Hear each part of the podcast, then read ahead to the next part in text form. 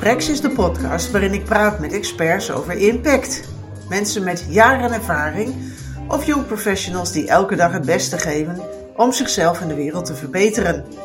Spreks zoekt naar het detailverhaal, dat ene punt, de ultieme tip. Verwacht verrassende gesprekken over ondernemen, groeien en marketing met concrete ideeën en inzichten om zelf impact te maken. Ik deel in de podcast ook mijn mening, advies en tips en ik ben Saskia de Jong, marketeer en mediamaker. En deze podcastaflevering is weer een solo-aflevering en die gaat over white papers. In de marketing zijn white papers van groot gewicht. Om het effect dat je ermee kunt hebben, maar ook om de organisatie die het vergt om ze te produceren. White papers die staan vaak bovenaan de contentpyramide want ze kosten veel tijd en energie om te maken. En tegelijk, en dat is het interessante, zijn ze een belangrijke bron voor tal van andere content. En onderzoeken die bevestigen eigenlijk jaar in jaar uit voortdurend dat ze veel invloed hebben op beslissingsprocessen. En met een white paper, ja, daar verspreid je onmisbare kennis eh, mee, waar klanten, zeker in de zakelijke markt, op vertrouwen. En daarom vind ik het heel interessant om je in deze podcast te vertellen ja, over de kracht uh, van white papers. En ja, ik geef je ook wat voorbeelden uit mijn eigen praktijk. En ik hoop dat ik je daarmee inspireer om ja, daar ook eens mee te gaan starten. En ik geef je dus ook wat voorbeelden hoe je hem kunt opbouwen. Ja, hoe zoek jij naar nieuwe kennis en inspiratie? En zeker als je voor grote beslissingen staat, dan wil je goed geïnformeerd zijn. Je mist misschien kennis, je zoekt inspiratie, twijfelt misschien ergens over en ja, bent ook benieuwd hoe anderen dat doen. Nou, je bent vast niet de enige. Hè? Een nieuwe technologie waarover je meer wilt weten, omdat de hele organisatie ermee moet gaan werken. Of nieuwe wetgeving waar je meer van wilt weten, omdat er ja, een boel op je afkomt uh, ja, waar je weet van moet hebben. Of bijvoorbeeld een overzicht van innovatieve materialen die bruikbaar zijn in projecten voor vandaag of morgen, voor de toekomst. Of trends en actualiteiten waarvan je op de hoogte wil blijven. Ja, wat doe je dan? Je gaat zoeken op internet. Je gaat zoeken naar voorbeelden in, ja, in jouw markt, hè, vergelijkbare onderwerpen. En in het meeste geval sla je de advertenties over, denk ik. Tenminste, dat doe ik zelf ook. Dus je gaat met name kijken in de organische zoekresultaten. En ja, stel dat je een link ziet naar een white paper, dan ben je ja, mogelijk toch wel eerder geïnteresseerd, want ja, dat heeft een status, dat heeft een statuur, een dergelijk document. En nou, stel hè, dat er eentje is waarvan je denkt, ga ik uh, aanvragen en downloaden. Ja, en als je het dan leest, en ja, kan het heel goed zijn dat je je realiseert dat, nou, hier goed werk is geleverd. En dat je er eigenlijk alle benodigde informatie op een duidelijke manier in gepresenteerd krijgt, zonder dat het als reclame aanvoelt. En ja, het effect daarvan is dat je denkt, nou, opslaan, dat sowieso, maar ook ja, onthouden die bedrijfsnaam. En ja, misschien ook al wel inschrijven voor de nieuwsbrief. Nou, is dat zoekproces herkenbaar? Ik denk het wel. Um, ik heb al eerder geschreven in verschillende blogs over dat de zakelijke koper online naar informatie zoekt. En heel vaak ook in zijn eentje. Ja, ook als hij in teams, in een team zit dat over grote eh, beslissingen gaat. Het is niet meer iemand die ja, rationeel beslist met behulp van alleen de adviezen van hem bekende leveranciers, zoals ja, eigenlijk vroeger het geval vooral was. De huidige klant in de B2B, in de zakelijke markt, is een anonieme, emotionele, veranderlijke en dus niet loyale koper. iemand die het internet afstruint en daar zijn kennis vandaan haalt. En voor een groot deel dus beslissingen voorbereidt en, en opneemt op basis van wat hij uh, ja, op internet vindt. En vaak trouwens ook via zijn mobiel binnenhaalt. Dus veel mensen zoeken op de mobiel. Dat zou betekenen dat uh, een white paper dus digitaal moet zijn. Maar een white paper kan zeker ook nog steeds een gedrukt middel zijn. En misschien zelfs met minstens zoveel impact als je hem ja, standaard bij je hebt, op, hè, als je op bezoek bent bij klanten of relaties en met hen in gesprek bent.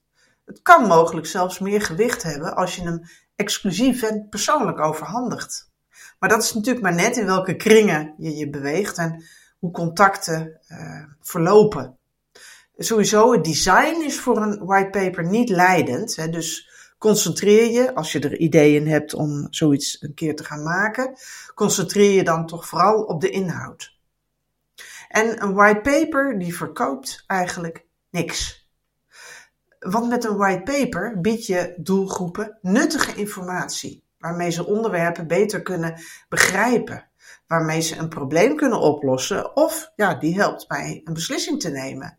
Het is dus geen brochure, het is geen magazine en het is ook geen e-book. Die hebben meestal een meer, ja, meer commerciële insteek. Een white paper verkoopt dus niks, of in ieder geval niet overduidelijk. In een white paper zit veel uitleg en toelichting. Je draagt er je kennis mee over en ja, mogelijk ook een visie um, die je daaraan gekoppeld hebt. Overigens zie ik de begrippen white paper en e-book veelvuldig in één adem uh, genoemd en beschreven. Zelfs ook gerespecteerde advies- en marketingbureaus die wisselen beide af. Maar marketingtechnisch is het dus niet hetzelfde. Een white paper heeft echt een hogere status. En klanten voor wie ik uh, white papers heb gemaakt, die hebben er groot effect ja, mee, of, of, of mee gehad in ieder geval. En daarom vertel ik je ook graag meer over white papers en licht ik wat voorbeelden toe, ja, die klanten in de zakelijke markt, hè, jouw klanten, vertrouwen kunnen geven. Want het is echt een krachtig marketinginstrument dat je expertise op een maximale uh, manier in de etalage zet. En je kunt er echt de besluitvormingsprocessen van je klanten mee beïnvloeden. En daarover dus uh, straks ook, en dat is heel leuk, een voorbeeld van een klant van mij die uh, mij laat vertellen, dan even zo in deze podcast, uh, wat voor effect het uh, voor zijn bedrijf heeft. Ja, ik ben ervan overtuigd en ja, weet eigenlijk ook misschien wel zeker dat een whitepaper ook voor iedereen haalbaar is ook als je één pitter bent of de enige in de organisatie die de marketing doet. Oké, het succes ligt niet 1, 2, 3 voor de hand, want het kan veel werk zijn. Maar een groot punt is ook dat vaak in veel organisaties toch niet echt een vast plan en ook geen planning eh, zijn en ja, dus ontbreken. En dat gaat dan vaak weer samen met ja, er ook niet bewust voor kiezen en misschien doel en uitwerking ook niet op tijd scherp hebben. Dus zorg als je denkt van ik wil toch wel eens met een whitepaper aan de slag. Zorg daarom dat vooraf zes punten duidelijk zijn. En dat zijn deze. De eerste is naar welke informatie zijn jouw klanten en relaties op zoek. En punt twee, welk probleem of kennisachterstand je met een whitepaper uh, kan, uh, kan oplossen. En als derde punt, welke van je doelgroepen nou precies daarop zitten te wachten. probeer dat zo scherp mogelijk te krijgen. En vier, wat het haakje is met jouw organisatie en hoe je dat invult voor dat ene specifieke uh, onderwerp. En vijf, punt vijf, welke collega's of partners, hè, kunnen ook externen zijn, welke partners kunnen bijdragen en op welke manier. Zodat je het niet helemaal in je eentje hoeft te doen. En tot slot zes, uh, en uh, ook een hele belangrijke, wanneer moet het klaar zijn? Wanneer die whitepaper klaar moet zijn. Dus zorg ook eigenlijk dat je vooraf scherp hebt of er een maand uh, is of drie maanden. Hè? Om maar een voorbeeld te noemen. En ook een hele belangrijke, want dat denken misschien mensen. Het hoeft dus helemaal niet dik te zijn. Het hoeven geen 50 pagina's te zijn. Met een fractie daarvan kun je ook al een heel groot effect bereiken. Uh, hè, hoeveel uh, pagina's voldoende kan zijn. Want ja, de kenmerken van een white paper, die zijn volgens de white paper guy, en die heet Gordon Graham, uh, die niets anders doet dan white papers maken. Uh, die meent dat de kenmerken van een white paper zijn dat het nou ja, een document is met verhalende tekst. Dus waar echt een verhaal in zit. dat, hier komt hij, tenminste vijf of zes pagina's lang is. En dan moet je denken aan ongeveer 2500 woorden of, of, of, dus meer. Uh, een staand formaat, want, zegt hij, liggend is meestal voor e-books. Met educatieve, praktische en nuttige informatie. Uh, dat wil zeggen, geen verkooppraatje. Dat bruikbaar is voor uh, de verkoop en niet erna, want erna is het documentatie na een verkoop. Een whitepaper geeft, geeft feiten en geeft niet alleen meningen. Uh, bevat een inleiding of een samenvatting aan het, aan het begin ook. En bevat een zogenaamde call to action aan het einde. En de lengte van een gemiddelde whitepaper, uh, die is dus ongeveer 6 tot 8 pagina's, stelt hij inclusief voor- en achterpagina. Het hoeft dus geen enorm document te zijn. Met minimale omvang kan het ja, mogelijk eh, precies voldoende ruimte bevatten om toch ja, een stukje diepgang uh, weer te geven. En dat er zeker een call to action in kan, dat geeft ook aan dat het een commerciële component kan hebben. Je hoeft jezelf als organisatie dus niet weg te cijferen. Nou, integendeel. En je kunt er echt een gewaardeerde kennispartner mee worden. En dat maakt het gewoon heel interessant. Waarmee jij je kunt onderscheiden en kunt bovendrijven, eh, eh, bovenuit de massa kunt steken. En als jij kennis en expertise deelt, hè, dus informatie, uh, expertise waar jij je in hebt verdiept en die verspreidt in white papers, ja, dan nemen klanten die gewoon graag van jou af want dat maakt jou een betrouwbare kennispartner. De focus van moderne marketing is content marketing. Hè? Inhoudelijk kwalitatieve informatie waar een ander iets aan heeft en hem in zijn werk of leven verder helpt. En in de zakelijke markt is kennis ja, in feite de motor van de organisatie. Want daar draait het om, om om kennis, expertise, ervaring. En dat is ja, de basis van content marketing. En met de whitepaper voorbeelden die ik je geef en waarover ik hier vertel in deze podcast, kun jij ook jouw klanten in de zakelijke markt plezieren. Ik zei zojuist dat whitepapers vaak bovenaan de contentpyramide staan, omdat ze een belangrijke bron zijn voor tal van andere content die in die piramide op de lagen eronder staat. En ja, je moet je voorstellen, de contentpyramide, dat is een model waarin je soorten content stapelt. Met ja, bovenaan de content die het meest waardevol is. In de zin, eh, in de zin van uh, het uh, meest uh, inspanning vraagt om te maken. Maar ook ja, bij klanten het, het best binnenkomt. En dat is bijvoorbeeld een white paper.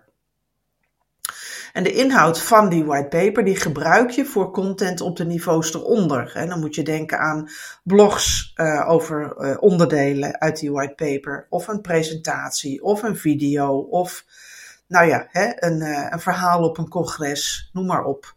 Hè, dus dat dient op die niveaus, dat dient op die niveaus om kennis te verspreiden ja, over de content op dat hogere niveau. Hè, omdat uh, die informatie te promoten. En zo bouw je een structuur zonder dat je steeds iets nieuws hoeft te, te verzinnen, want de basis die heb je. Dus dat betekent dat alles wat je in zo'n white paper hebt geschreven, dat kun je op, uh, in verschillende vormen, op verschillende kanalen, dus nogmaals gebruiken in stukjes, in partjes. Uh, ja, ik heb het daar, daar vaak over, over die contentpyramide, want dat is gewoon een hele handige structuur voor content marketing. En ik heb daar ook een blog over geschreven op mijn website dejongev.nl. Dus wil je daar eens meer over weten, kun je dat zo vinden op mijn site. Nou, en dan nu even wat nou, successen uit eigen stal over de whitepaper ervaringen die ik zelf heb. Ik heb in de afgelopen jaren verschillende whitepapers geschreven voor klanten. En een van de eerste die ik maakte, dat was de whitepaper Stofvrij Werken voor Makita. En dat was in 2011. En Makita, dat is een Japanse gereedschappenproducent, die liet mij deze whitepaper samenstellen om professionals in de bouw te informeren over de risico's van blootstelling aan kwartstof. Want dat is uh, schadelijk. Uh, en over de, wat de wet daarover zegt en hoe je dat met gereedschap en persoonlijke beschermingsmiddelen kunt beperken en kunt voorkomen. En deze whitepaper is enkele malen nadien uh, geactualiseerd en die is nog steeds online uh, beschikbaar. En een overzicht van relevante gereedschappen die is eraan toegevoegd in een los, los deel.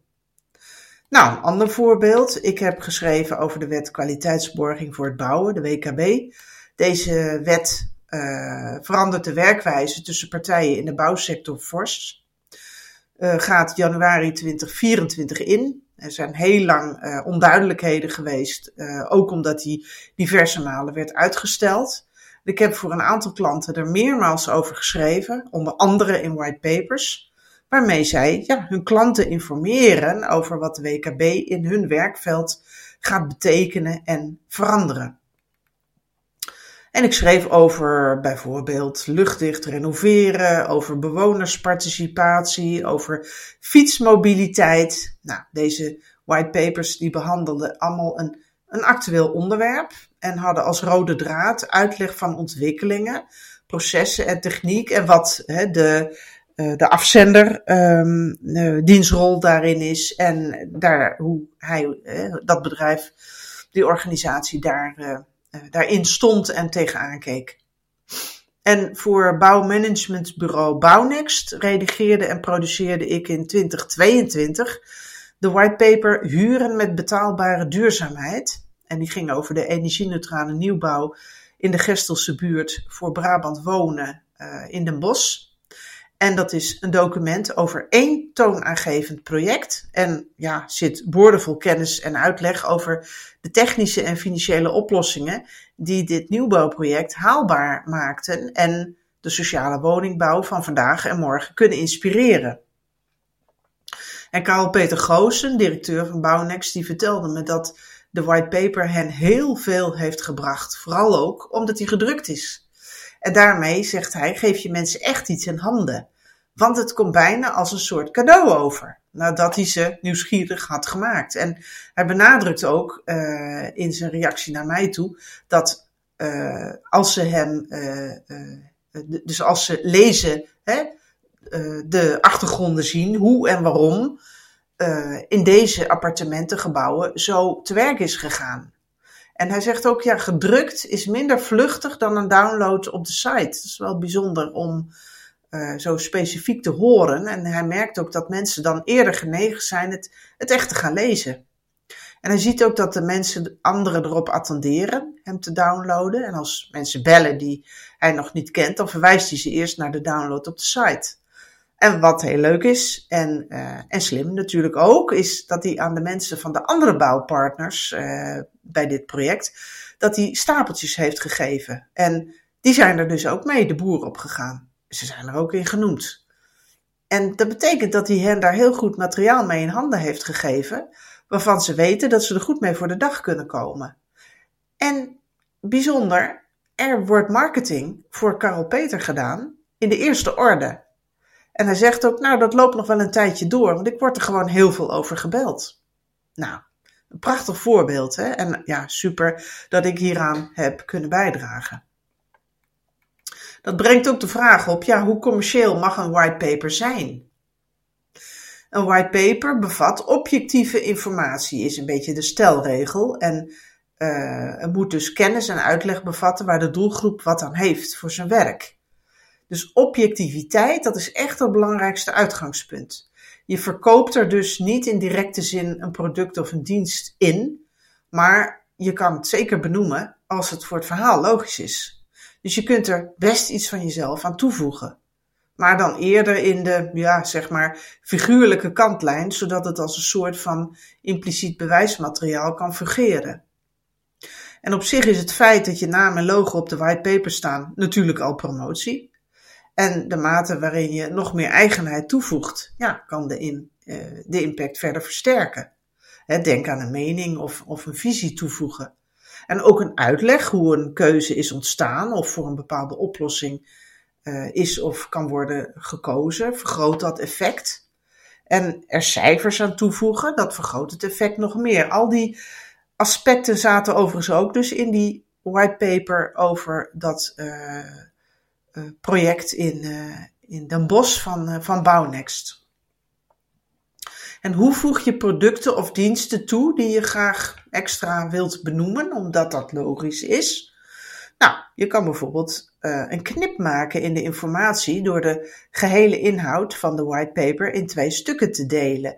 een deel algemene informatie, neutraal, onafhankelijk, dus niet of nauwelijks over je organisatie en de producten.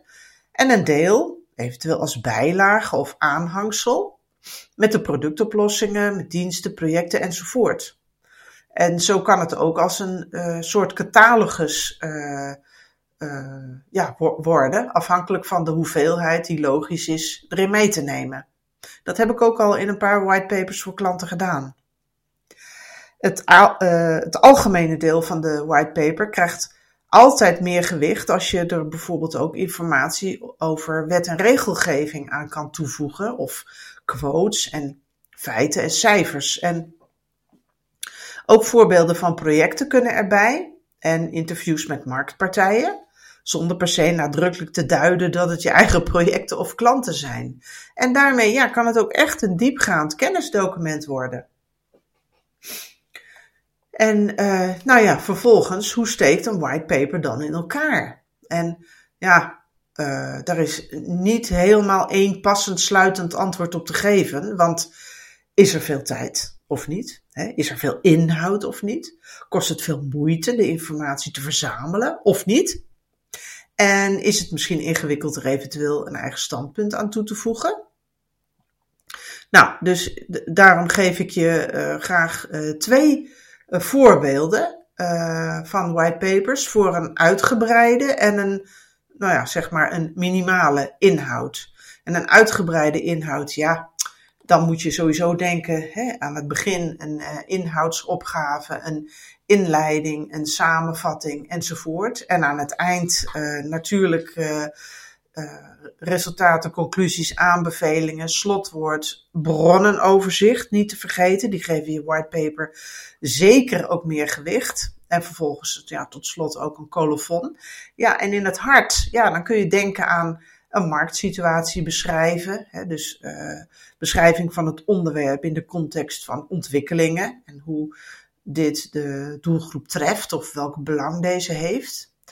Uh, en ja, de kern, ja, die te beschrijven, denk dan aan ja, bijvoorbeeld de probleemstelling die vroeger in je scriptie stond of de basis van je onderzoek. Dus wat is het probleem of het issue waar het in dit document om gaat? Ja, beschrijving waar de markt of de maatschappij naartoe gaat. De oplossingen waar deze whitepaper over gaat, bijvoorbeeld. Ja, en vervolgens ja, de echte inhoud, hè, eventueel verdeeld in, in meerdere hoofdstukken. Dat kan heel goed. Nou, en als het nog ja, uitgebreider of diepgaander kan, dan kun je ook nog denken aan interviews of quotes toe te voegen. Aan uh, specifieke feiten en cijfers. Uh, en wat ik net al vertelde, ook ja, aan product- en, en of uh, projectinformatie. En eventueel gegevens van samenwerkende of betrokken partijen. En bedenk bij interviews altijd wel welk doel deze hebben. is het echt onmisbare informatie die inhoudelijk iets toevoegt en waar zonder je niet kan? Of moeten ze bijvoorbeeld de white paper ook meer status geven met belangrijke of bekende mensen? Nou, dat heeft natuurlijk behoorlijke invloed op wie je hiervoor vraagt. Nou, dat een beetje uh, om je uh, het idee te geven van hoe, ja, hoe breed en groot je het, uh, een uitgebreid um, document kunt opzetten. En bij een kleine whitepaper van, nou, waar we het straks al over hadden, van die vijf of zes pagina's, dan kun je denken eigenlijk aan een, ja, aan een indeling in, in vier stukken. Uh, een inleiding. Uh, als tweede de marktsituatie met probleemstelling, oplossing, aanpak, handelwijze. En als derde, nou ja, de kern echt van de whitepaper met overzicht, oplossingen, toepassingen. En tot slot, ja, een slotwoord met eventueel aanbevelingen. Dan heb je een heel compact geheel, wat misschien inderdaad op vijf of zes pagina's uh, kan, uh, kan passen. Nou, ik uh, weet uit, of lees eigenlijk ook altijd in verschillende onderzoeken, dat klanten in de zakelijke markten ja, graag vertrouwen op, op whitepapers en op de inhoud van whitepapers. Zo um, worden in het onderzoek manufacturing, content marketing, uh, benchmarks, budgetten en trends van het Amerikaanse Content Marketing Institute. Uh, daarin worden met enige regelmaat de meningen en ervaringen van marketeers in de maakindustrie onderzocht, internationaal. En dat onderzoek is interessant om te zien wat er leeft in vergelijkbare sectoren op het gebied van content marketing, in de maakindustrie dus. En de waardering van whitepapers die is altijd hoog. Als je hier meer over wilt lezen, daar heb ik ook een blog over op mijn site staan. En ik maakte ook een blog over het onderzoek State of Marketing to Engineers. Uh, een onderzoek van Global Spec and True Marketing. Dat is ook net zoals dat eerste wat ik je net noemde, een regelmatig uh, vernieuwd uh, onderzoek. Dus dat komt eens in zoveel jaren komt dat, komt dat weer terug, komt dat weer aan de orde. En daarin is de kracht van white papers ook een terugkerend element. En centraal in dat State of Marketing to Engineers is dat, dat, de, dat is onder honderden technici wereldwijd, wordt dat ehm, gedaan. En dat gaat onder meer over online zoeken, wat ze zoeken, het vinden van industrie-experts. En centraal staat erin op welke manier technische verkoop te beïnvloeden is. En daarmee ook hoe inkoop in technische branches zich laat beïnvloeden. En ook in dit onderzoek staat de white paper stevast hoog in de tabellen. Dat maakt een white paper dus ook een krachtig middel om leads te genereren voor een stuk goede online informatie geeft iedereen zonder problemen zijn naam en mailadres. En dat zeg ik met volle overtuiging. En dat is heel interessant voor jou, want dat maakt je white paper een krachtig middel om leads te genereren. Je geeft er immers ja, een staaltje van je kunnen mee af. En het is zeer interessant om met zo'n download je relatie en klantenbestand uit te breiden. Want je weet natuurlijk, krijg je op deze manier nieuwe namen op je lijst, dan kun je ze eenvoudig contacten, omdat je weet waar ze interesse in hebben. En de white paper voorbeelden uh, voor de zakelijke markt die ik je in dit verhaal, in deze podcast geef, ja, die zijn al een goed begin om daar zelf mee, mee te starten.